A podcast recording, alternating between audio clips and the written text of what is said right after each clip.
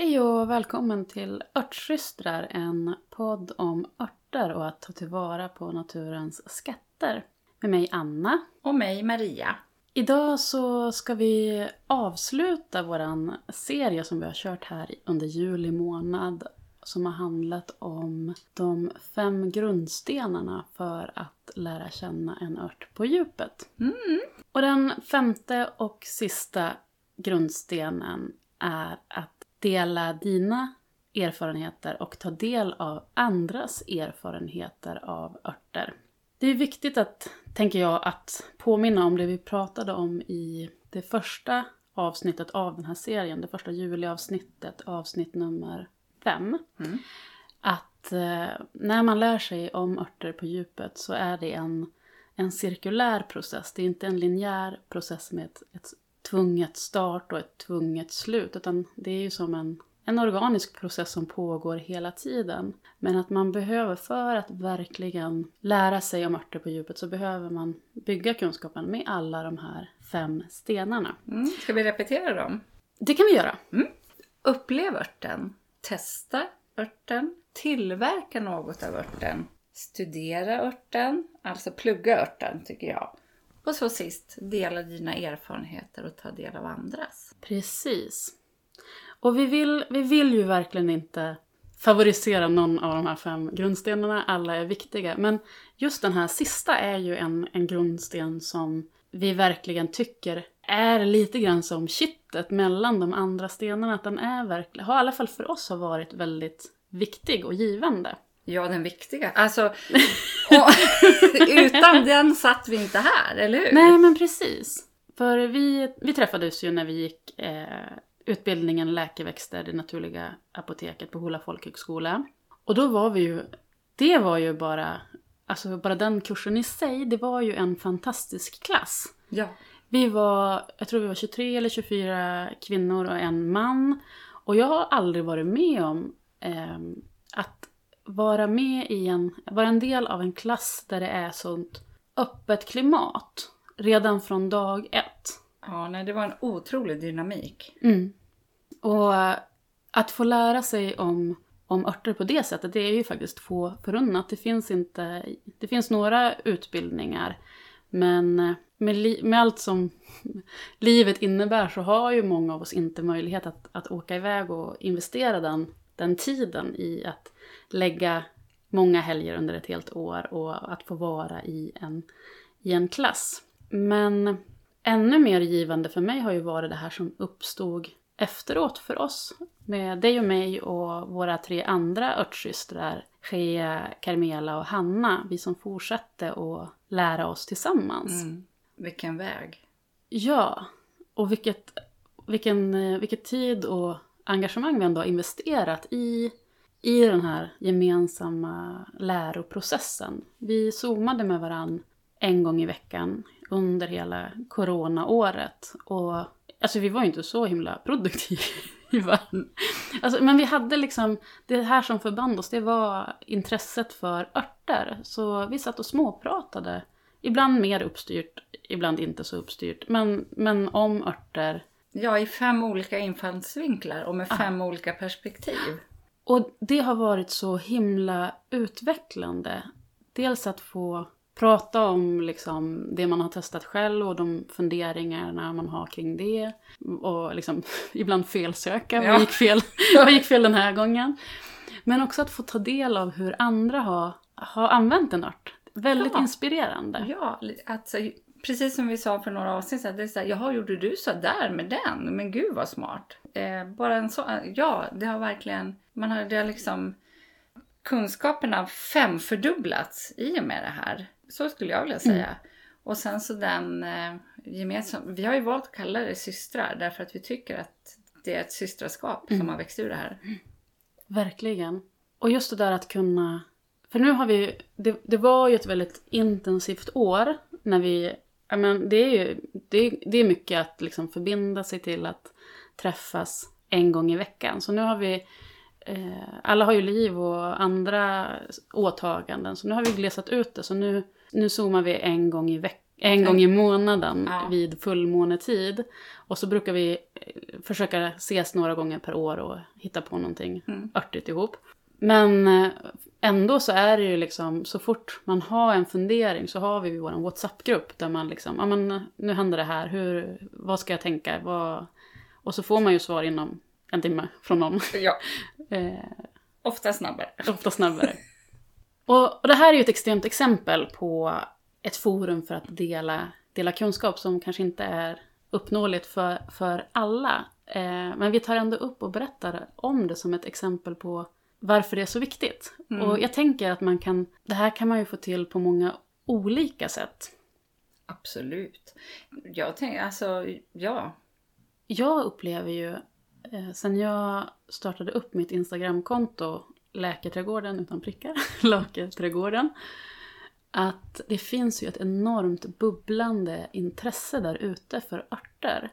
Och när man, även i vardagen, när man pratar om, eller när jag pratar om örter eller nämner att jag håller på, så, så finns det ja, men nyfikenhet från, från den som inte kan så mycket, men det finns väldigt, också väldigt mycket bubblande kunskap där ute. Det finns jättemånga som, som håller på, eller som bär med sig kunskap från, från sin mamma eller mormor. Så det är liksom som massor av gömda skatter där ute av, av, av kunskap som, som finns. Och så upplever jag också att eh, börjar man prata om det så bara liksom kommer ett bubblande, liksom latent behov av att prata om det och dela och så här. Och det tycker jag är fantastiskt och lite tråkigt att, det inte, att man inte är så självklart idag. Mm. Så prata om örter. Precis. Och, och om, man är, om man lever i en situation där... Om man har en vardag där, där man kanske bara är... Det bara är du som är intresserad av örter och eh, att du inte har några örtkompisar så våga ändå hjälpa andra att börja utforska örter. Våga tipsa om örter och be om feedback. Ja. Hur, hur, för det är ett jättebra sätt om du inte har, har någon som också håller på, men att hjälpa andra med lättare krämpor och få tillbaka deras erfarenheter. För det hjälper dig att, att bygga din kunskap. Och sen så har vi ju ett fantastiskt verktyg i dagens värld eh, Ja. för att dela erfarenheter som är sociala medier. Det finns ju faktiskt ändå en hel rad med roliga örtkonton. Mm. Vi brukar ju tjata om våra egna, Ja. men det, det finns ju många det fler. finns många, många fler. Eh, vi borde... Vi får länka upp dem i, Ja, det i, på våra Instagramkonton nu i veckan som kommer på olika sätt. Och sen så finns det ju också Facebookgrupper. Absolut. Eh, om man vill dela och ta del av andras erfarenheter på riktigt, inte på, på digitalt sätt. Hur kan man hitta det? Det finns ju flera eh, föreningar som är kopplade till örtagårdar i eh, Sverige, överallt. Eh, det finns säkert också lokala trädgårdsföreningar. Vi har ju sagt Facebook, Instagram. Och, men jag tänker också, det, vi är ju ändå en, det finns ju ändå ganska många örtkunniga som poppar upp nu, särskilt under sommarhalvåret och håller örtvandringar. Mm. Och det är också ett jättebra sätt att hitta likasinnande, och, eller i alla fall få gå på en vandring och, och surra om örter i någon timmes tid. En annan rolig grej som vi gjorde, du och jag gjorde förra året, det var ju när vi åkte på örtagårdsturné. Ja, roadtrip. Det var ju helt makalöst roligt. Vi Ja.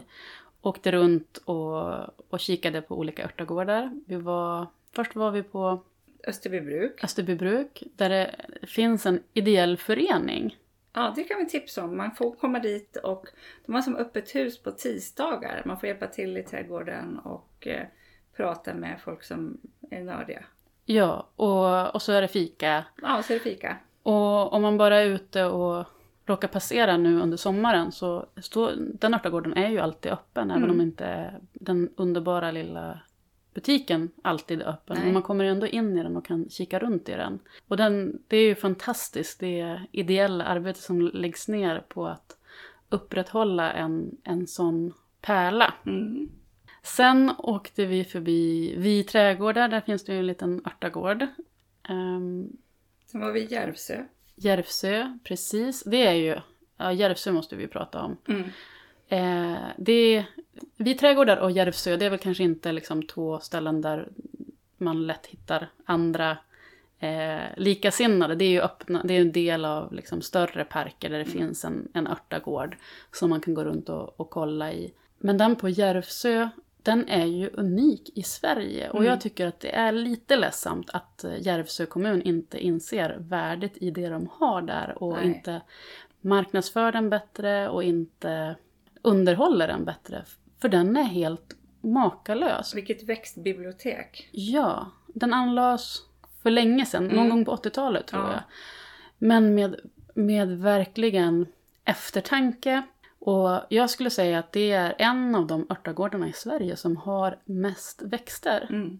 Och det finns också liksom kartor så man kan se vad som är vad. Och det är en sån opolerad diamant. Helt klart. För, en, någon, för oss som är intresserade av, av, av örter. Och vi har ju varit i andra fantastiska örtagårdar som den som finns på Biskops Arnö. Mm. Eh, Biskops Arnö är ju en folkhögskola som också har, erbjuder flera fantastiska örtkurser. Dels sådana som går över hela läsåret men även kortare under sommaren. Som vi absolut varmt rekommenderar. Det är Ja, det en gör vi. sån makalös plats att vara Ja. på. Det är som en, man går in i en helt annan värld. Den örtagården är ju fantastisk. Men den i Järvsö, just liksom bredden i den i Järvsö är ju snäppet Snäppet vassare. Ja, helt otrolig. Men det, återigen till det här med eldsjälar och vad man kan hitta i en gemenskap kring örter. Sen var vi ju på ett jättespännande ställe. Ja, men Det vart ligger sista det? stoppet. Ja men precis. Det var ju i Järvsötrakten, men lite mer nordöst. Mitt ute i ingenstans. Så var det ett litet byalag som har liksom, Byggt upp en klosterträdgård igen. ja, en medeltida örtagård. Ja. Vi, vi kommer att länka till det här på något vis. Kika in i, på våra Instagramkonton så ska vi länka upp alla, alla ställen som vi, vi pratar om. Och särskilt det här stället, för det var ju häftigt. Och den var, den var helt nyanlagd. Mm. Eh, man hade sökt eh, EU-pengar tror jag Ja. till eh, liksom, anläggningskostnaderna.